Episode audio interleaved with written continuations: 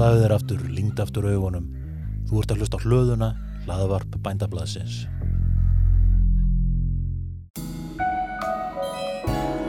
Vantar þig fött fyrir vinnuna? Hjá KH vinnufötum færðu vinnufatnað, öryggisvörur, hanska, skó og stígvel og allt það sem þú þarf til að láta þér líða vel. Okkar áhersla er að þú fáir góðar vörur og þjónustu á hagkvæmi verði. KH vinnuföt, öryggi þitt í fyrirrumi. Hjá landstólpa færðu allt sem þarf fyrir blómlegt bú. Við leggjum metnað í gott úrval af árstíðabundnum vörum auk þess sem við bjóðum kynnistrinn öll af rekstrarvörum fyrir landbúnað, allt frá hóffjöðurum til rafstöða, gældýrafóður, stein og bæteefni fyrir búfinnað, innrettingar í fjós og svo mætti lengi telja. Þú finnur því margt gaglegt í verslunum okkar, jável nýjar lausnir sem koma þér óvart. Kíktu við hjá okkur eða sláða þráðin. Landstólpi, leiðandi í íslenskum landbúnaði. Ífór Williamskerrur hafað sanna sig við íslenskar aðstæður sem traustar og hendugar. Eigum ávalt gott úrval varahluta, víkurvagnar, gæði og þjónusta. Er landið þitt að drukna í sinu? Send okkur línu á rissa.isteka.com Við þurfum líka að hvetja heldur konu meira áfram í þessu og gera það bara frá unga aldrei.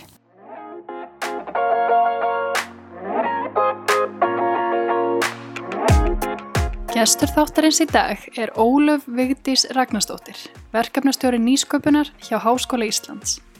Ólöf er lögfræðingur að ment og hefur borið marga mismunandi hatta innan nýsköpunarsenunar á Íslandi. Í þættinum segir hún okkur frá sinni vegferð og öllu því helsta sem er að gerast í nýsköpunarmálum hjá Háskóla Íslands.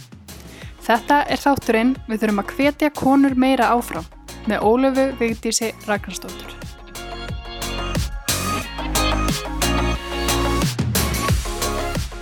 Velkomin Ólöf. Takk fyrir. Hvað segir gott í dag? Bara alltaf fína. Ekki. Jú, jú. Brjálega að gera. Það er svolítið mikið að gera akkurat núna. Það er mörg verkefni í gangi. Nákvæmlega. Getur þau kannski mér bara aðeins frá svona þinni vegferð og tengingu við nýsköpun? Já, ég þarna er lögfræðingur, útskæðast 2001. Fór þá að vinna fyrir sprótafyrirtæki, Livja Þróun. Það er sem ég sá um samninga á engalegu fyrirtækisins. Síðan 2004 fyrir ég að vinna hjá engaleifastofinni og kem þar að svona flestum sviðum hugverka, engaleifi vörumerki og hönnun og líka gæðamálum. Og er það bæðið sem lögfræðingur og sviðstjóri og 2012 fyrir ég að starfa hjá Háskóla Íslands fyrir að starfa hjá rannsóknarþjónustunni og þar er ég að sinna ímsum verkefnum meðal annars að lesa yfir alla samningaskólans ef var það rannsóknarsamstarf og nýsköpunastarf þar sé að samstarfsamninga við fyrirtæki meðal annars og trúnaðarsamning og aðra samninga sem að háskóla þurfa að gera í tengslu nýsköpunarverkefni og rannsóknarverkefni. Og jáfnframt er ég að vinna með hugverkanemnd Háskóla Íslands og Landsbítala en hún vann að hagnýtingu rannsóknarstarfsmanna. Hún er komið aðeins breytt hlutverk núna eftir að auðna tæknitorg kom til starfa en einhvað sér þá hef ég mikið og er ennþá í dag að vinna með hugverkanemnd að formið sé svo lítið breytt. Já, þetta var 2012 og, og síðan ákveðinu að breyta eins um gýr og, og kíkja til nýsköpunum sjóðs atvinnulífsins og þar var ég í 15 mánuði og bara rosalega góðu tími og læriði mikið þar því að þarna var ég komin hinum með við borðið, mætti segja. Og síðan ákvæði nú að fara aftur í háskóla umhverfið. Ég áttaði á því að, að svona þessi frumkvöðla starfsemi og þessi fyrstu stig átti rauninu betur við mig. Það geta komið inn og rálagt bæði varðandi stopninsbróta fyrirtækja og hugverkavend og samninga. Oft var meiri þörf á því á fyrirstigum heldur en kannski setni þegar fyrirtækin eru orðin svona smá setleg þannig að mér fannst ég hafa meira hlutverk að gegna. Auk þess skellti ég mig nám í verkefnastjórnun og, og fannst, fannst það mjög spennandi og, og vildi gerðnan tengja það betur við mitt starf. Já, þannig að ég fer aftur upp í háskóla og er búin að vera það núna í eitt og hálft ár og með svolítið breyttu snið en ég var þannig að, að samningarna eru minna á mínu, mínu borði í dag þó ég komi aðeins að þeim. Þá er ég að veita meira hugverkaráðgjöf og vinna að bara fjölbreyttum nýsköpunarverkefnum upp í skóla, hvort sem það varðar starfsmenn eða nefendur og vísindagarða. Þannig að þetta er, það má segja að ég sé svona tengiliður rektors hvað varðar varðar þessi nýsköpunar mál. Og getur kannski sagt mér aðeins frá þessum nýsköpunar verkefni? Já, já, þannig að ef við kannski byrjum bara á starfsmönnum, uh, við erum með hugverkanemnd upp í háskóla og samkvæmt lögum um uppfinningar starfsmanna þá ber starfsmönnum ef þau koma fram með uppfinningu í starfi að tilkynna aðunurreikand þetta og þetta eru lög sem gilda bæði fyrir ofinbæra aðila og enga aðila og, og samkvæmt í rauninu reglum háskólans þá er það hugverkanemnd sem starfsmennin eiga tilkynna ef þau koma fram með uppfinningu. og þessi nefn tekur síðan afstöð til þessara uppfinninga. Er þetta eitthvað sem við viljum sækjum engaleifi á? Og núna eftir stopnun auðnu þá fara þau síðan í hagnýtingaferli til auðnu taknutorks þannig að, að ég vinn með þessari nefnd og hjálpa þeim að taka afstöð til þessara mála. Þannig að það er svona kannski hvað var það starfsmenn. Vandi nefendur þá sitt ég stjórn á Icelandic Startups og ég hef minna komið að málefnum nefnda. Við höfum meira svona liti á að, að Icelandic Startups væri fulltrúi nefnda en einhvað síður hafa komið nefndu tímin og fengið ráðgjöf, varðandi hugverk og stopnin fyrirtækja og við höfum líka farið með nefndaverkefni gegnum hugverkanemt. Getur nefnt sem dæmi tímsparkverkefnið. Tímspark er svolítið flagskip skólans og í því tilviki þá sáum við það á, á LinkedIn að nefandi skólans hefði komið frábæra uppfinningu.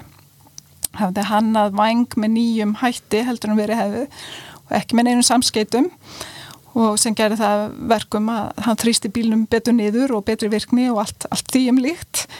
Og í þessu tilviki þá, þá ákvöðu bara í samstarfi nefndan að fara með þetta áfram í engalega ferli. Því þetta er bara það flott verkefni að við töldum og vildum reyna að koma því að hagnýtingaferli og ofta er það þannig að til að fara með verkefni áfram svona rannsóknarverkefni þá þarf það sækjum engalega á það. Því að annars ertu á þeim stað að þú ert kannski ekki með neitt fyrirtæki sem er tilbúið að fjármagna frekar í þróun nema með því að tryggja sér engalega vendina. Því að öðrum kosti þessu auðvelt að stila uppfinningunni. Þannig að þetta er dæmi um eitt nefndaverkefni sem við höfum komið að. Já, síðan hef ég nú eitthvað verið mentor í einhverjum verkefnum en svona þar fyrir utan þá höfum við ekki kannski mikið, við höfum eftirlátið þetta svolítið Icelandic Startups og síðan er nefnd á vegum studendaráðs sem heitir Nýskupin og frumkvæla nefnd og við, já, erum að fara að hefja samtal við hana því að það er komið ný nefnd ný nefnd á hverju ári. Þannig að sé, skoða það hvað við getum gert til að ebla ebla þennan þátti á stúdendum Og myndur segja að það sé að verða til sprótafyrirtæki innan vekja háskólans? Já, vissulega. Háskólinn á hluti í 20 sprótafyrirtækjum og þetta eru sprótafyrirtæki sem hafa farið í gegnum hugverkanemt og háskólinn eignast hluti í þeim. Þannig að já, það verða til sprótafyrirtæki og þetta er bara sprótafyrirtæki starfsmanna því ég hef ekki tölu yfir sprótafyrirtæki nefnda. En þess maður geta í, já, háskólinn er meira núna að fara að líta svolítið á sko samfélagslega áhrif sem að skólinn hefur og starfsmennin hafa. Það hefur verið rosalega áhersla hvað var það nýsköpun á þessa tæknilegu nýsköpun og stofninsbróta fyrirtækja. En hins vegar er það þannig að það er bara dagstaglega á sér stað nýsköpun innan háskólans. Hvort sem að það er sér nýtt kennsluefni eða, eða við erum að skapa grunn fyrir stjórnvöld til að taka ákvarðanir eða annars líkt. Og við sjáum það líka að að það eru svið innan háskólans sem að tengja ekkert sérstaklega við nýsköpuna hugtækjað og það er ákveð áhyggju efni en, en með því að tengja þetta meira kannski við að hafa samfélagslega áhrif þá eru við að ná betur til þeirra. En, en ég gerir áferðið þessu viðtali séu við kannski fyrst og fremst svolítið að fókusa á þessa tæknilegu nýsköpun og stofninsbrótafyrirtækja svona eins og fellur kannski undir verksvið hugverkanemdar En síðan eru við vissulega í fullt af fleiri nýsköpunarverkefnum heldur en bara hugverkanemt og, og má sem dæmi nefna nýtt námski sem heitir Kveikja sem var, var í fyrsta skipti í janúar. Og, og þetta námskeið miðar að því að, að blanda sama nefendum á öllum fræðisviðum og við gefum þeim þarna ákveðna samfélagslega áskorun og þau eiga sín að vinna sig að ákveðin laust og þetta er svolítið markmið þessu er að kenna þeim nýsköpuna hugsun hvernig og, og geta átt að segja á því að þau geta haft áhrif það hafa allir, geta allir haft áhrif einhvern veginn þú veist hvort sem að það er ef að þú vilt ná tiltekinu laust einn samfélags áskorun getur verið plast í sjó og einn hópurinn getur komið tæknilaust, annar hópurinn getur komið með tilöða lagabreitingum sem að þarf til að draga úr plastnótkun. Þannig að við getum öll haft áhrif á eitthvað hátt og það var mjög skemmtilegt og þetta gekk mjög vel, þetta námskeið. Þannig að þetta er eitt dæmi um nýtt verkefni sem við höfum farið í. Og síðan önnur dæmi til dæmis mentamaskina. Þetta er nýsköpunar hraðal fyrir nefndur og loka ári í framhalskóla og við erum þar háskólinn með, með þekkingasbrett og þar fáum við sérfræðinga úr skólanum til að, að, að kynna svona nýjustu lausnir á þeirra sviðum og hvaða áskorunni líka fyrir og þetta er svona gert að því að markmiði að vekja nefnendur til umhugsunar og síðan eiga þau að fara áfram í ferlinu, taka hönnunasbrett og fleira og eiga að koma með einhvers konar prototípu. Þetta er svona gert til að virka nefnendur og reyna að ebla hjá þeim þessa nýskupunar hugsun. Þetta er bara mjög flott framtak sem að Fablab og fjölbrytaskólinn Breitholti og nýsköpunum miðstöð og Reykjavíkuborg komað. Og síðan er, má líka nefna snjallræði, það er eins og ég segi, það er ímisverkefni sem að eru nýsköpunatengt, sem, sem að eru kannski ekkert sérstaklega sínileg fyrir maður að fyrir að leita af þeim innan háskólans. Hvernig myndir þú lýsa þessari nýsköpunar hugsun? Það er í rauninni að þú ert með ákveði vandamál og þú þart að finna lausna á því. Og það er í rauninni alltaf grunnun. Þetta er grunnun sem að fylgja líka engalefisumsókn. Þegar þú byrjar að skrifa engalefisumsókn þetta er alltaf að byrja að lýsa vandamálunu og hvað hefur verið gert og í hverju þín lausn fælst fram yfir aðra. Og það er í rauninni grunnun í þessu. Það er átt að segja á því að það er raunverulegt vandamál til staðar og að þín lausn sé raunverulegt svar við þessu vandamáli. Því við höfum alveg séð það líka að menna það hafa verið vandamál til staðar en svo lausn sem kemur fram er ekkert endilega svo sem hendar, þú veist, það er til aðra lausnir sem er kannski betur til þess fallnar að vera seldar á markaði eða annars slikt. Já, þetta myndi ég svona í grófum dráttum lýsa bara nýsköpun. Ef við lítum aðeins svona á stöðu kynjana svona innan nýsköpunar, hvernig myndið þú til dæmis lýsa stöðu hvenna í nýsköpun á Íslandi? Já, ég get hoppa beint yfir í prósendur en því miður, þú veist, hef ég séð það bara bæði hjá nýsköpunarsjóð og upp í háskóla að það má verulega bæta þennan þátt og þá er ég sérstaklega að tala um þessa tæknilegu nýsköpun og stofninsbrota fyrirtækja. Við sjáum það til dæmis í tilkynning til hugverkanemdar að þetta er cirka 25%. Við sjáum það sama í stofninsbrota fyrirtækja að frumkvæð kemur frá konum í cirka 25% tilveikum og þetta er bara í samrami við það tölur sem við sjáum hjá RSK varandi stofnum fyrirtækja hlutfall hvenna þannig að þetta er því miður ekki, ekki nóg gott. Hins vegar má nefna að til dæmis háskólinni líka með vísind og nýsköpunarvelun og hefur verið með veitt þau í 20 ár, reyndar undir öðru heiti, hagnýtingavelun háskólans og við sáum það núna í ár, þá bárust 38 umsóknir og helmingurna þeim var frá konum.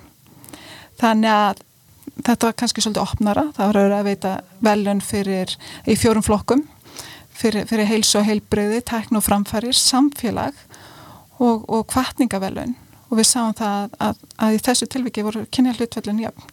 Og það var bara mjög ánægilegt að sjá það. Og sama má segja er enni þau verkefni sem unnu þrjú á þessum verkefnum þar, þar voru konur í forsvari. Þannig að það fyrir kannski svolítið eftir í svona hvernig við tökum þetta en þannig í þessu tilviki gaf maður ekki greint nittkynjamun sko, langt í frá.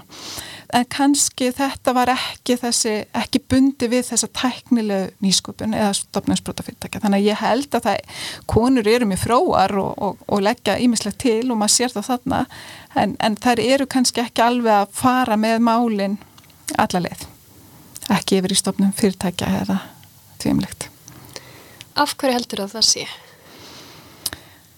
Jú, það hefur sjálfsagt verið ímislegt ritað um þetta. Já, ég held að það sé örgulega ímsar ástæður. Einn er auðvitað bara kannski personleiki okkar. Þú veist, við erum ekki eins áhættu sagnar og karlmenn. Heimili lendir frekar á konum heldur en mönnum. Þú veist, við hugsaum, förum og sækjum í leikskóluna. Þú veist, ég held að það sé svona eitt þáttur að því við þurfum líka hvetja heldur konu meira áfram í þessu og gera það bara frá unga aldrei.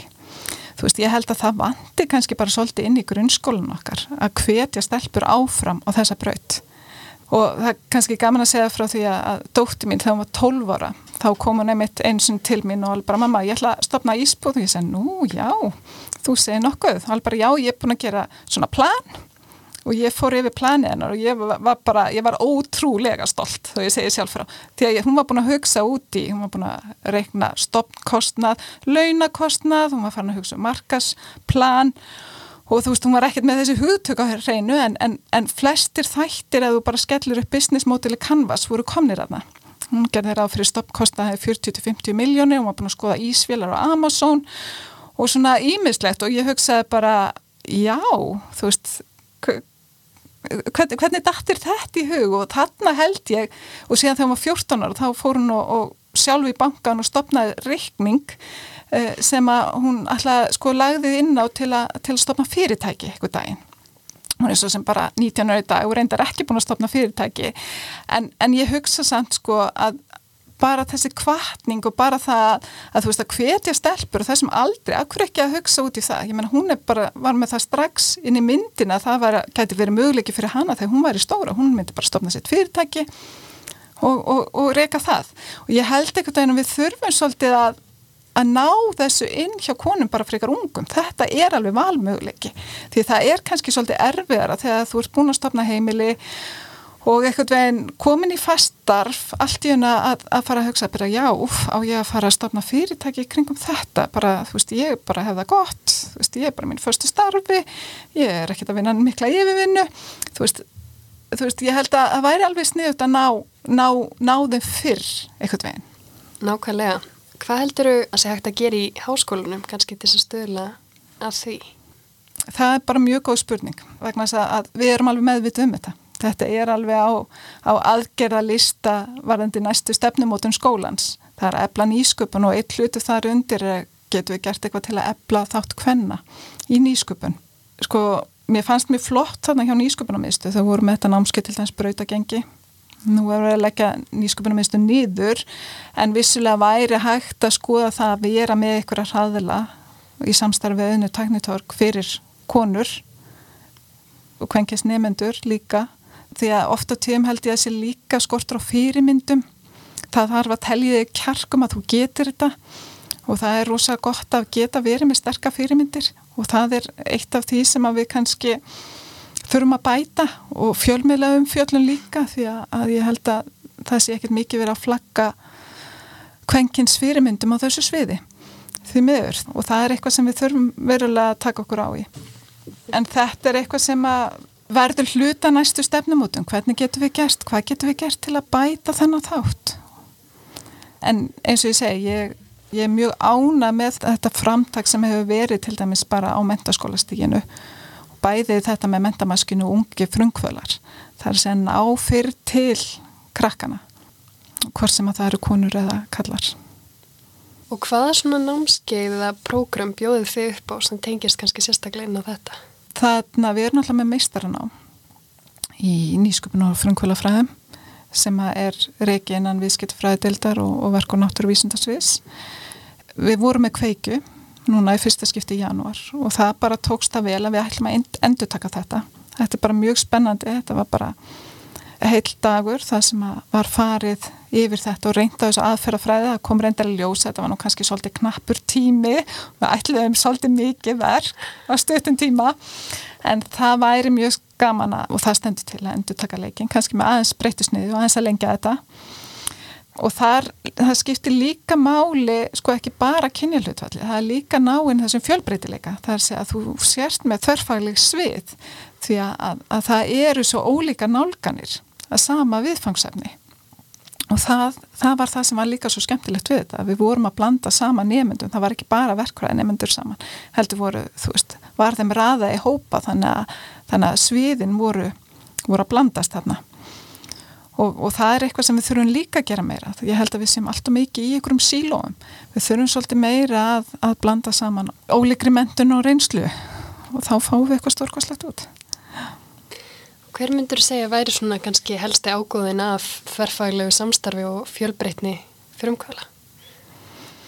Já, það, já, það er í rauninni helsti ávinningurinn, það er í rauninni framtíðin því að við ætlum að ná langt og, og gera vel, þá þurfum við að blanda þessu saman. Ég menna það eru meiri líkur að eitthvað stórkoslegt gerist ef þú tekur til dæmis svið sem eru ekki vunði að vinna saman og, og, og skella þeim í eitt. Ég menna við sjáum til dæmis eins og Sound of Vision verkefnið.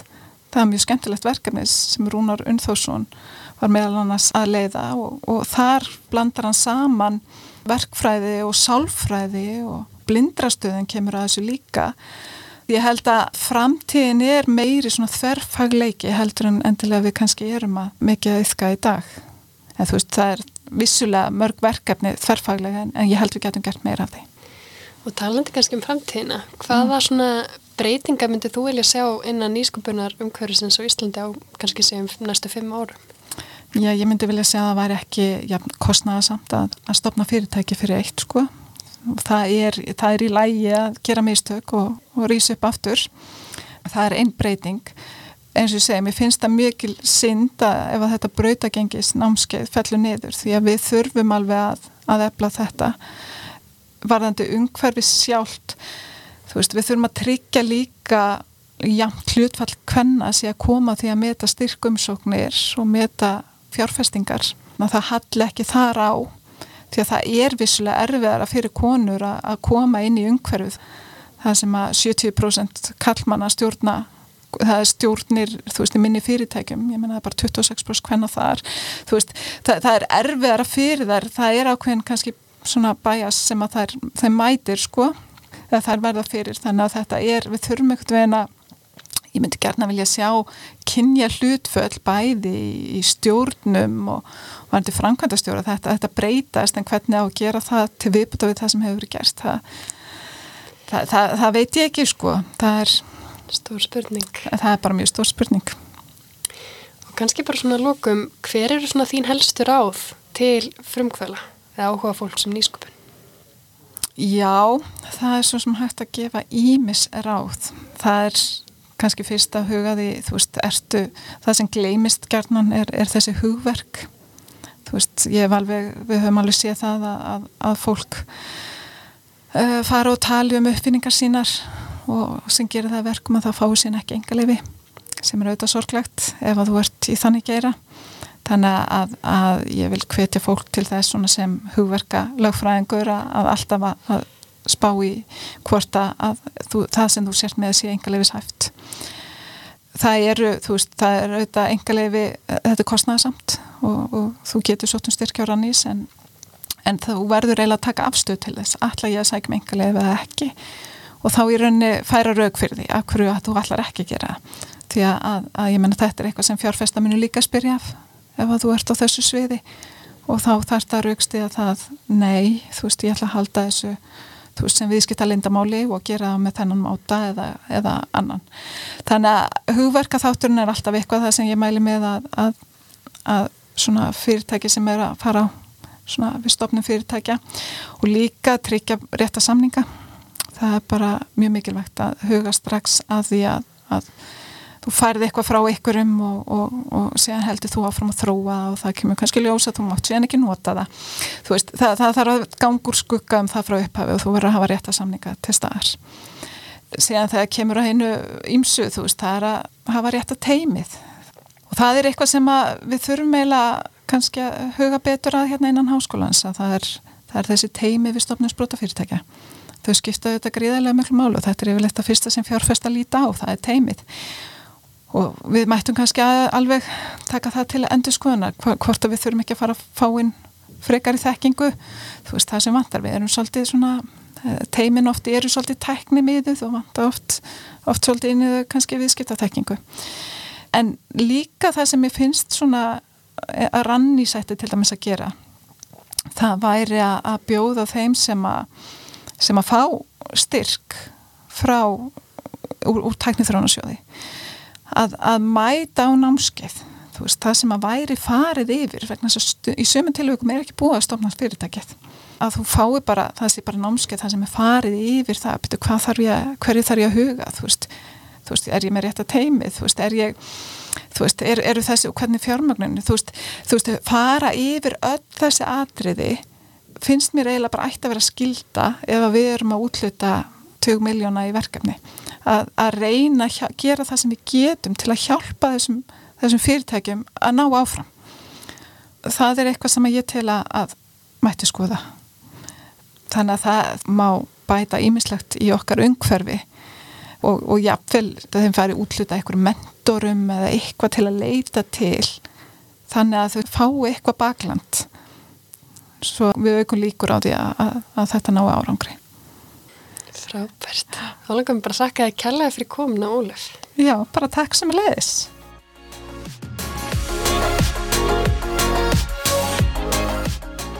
Ég þakka Ólefu kærlega fyrir komuna og fyrir alveg hreint frábært spjall. Það eru spennandi hlutir að gerast í nýsköpunamálum hjá Háskóla Ísland og ég hlakka til að sjá hvernig jöfn tækifæri og fjölbreytni verða höfð þar að leiðaljósi.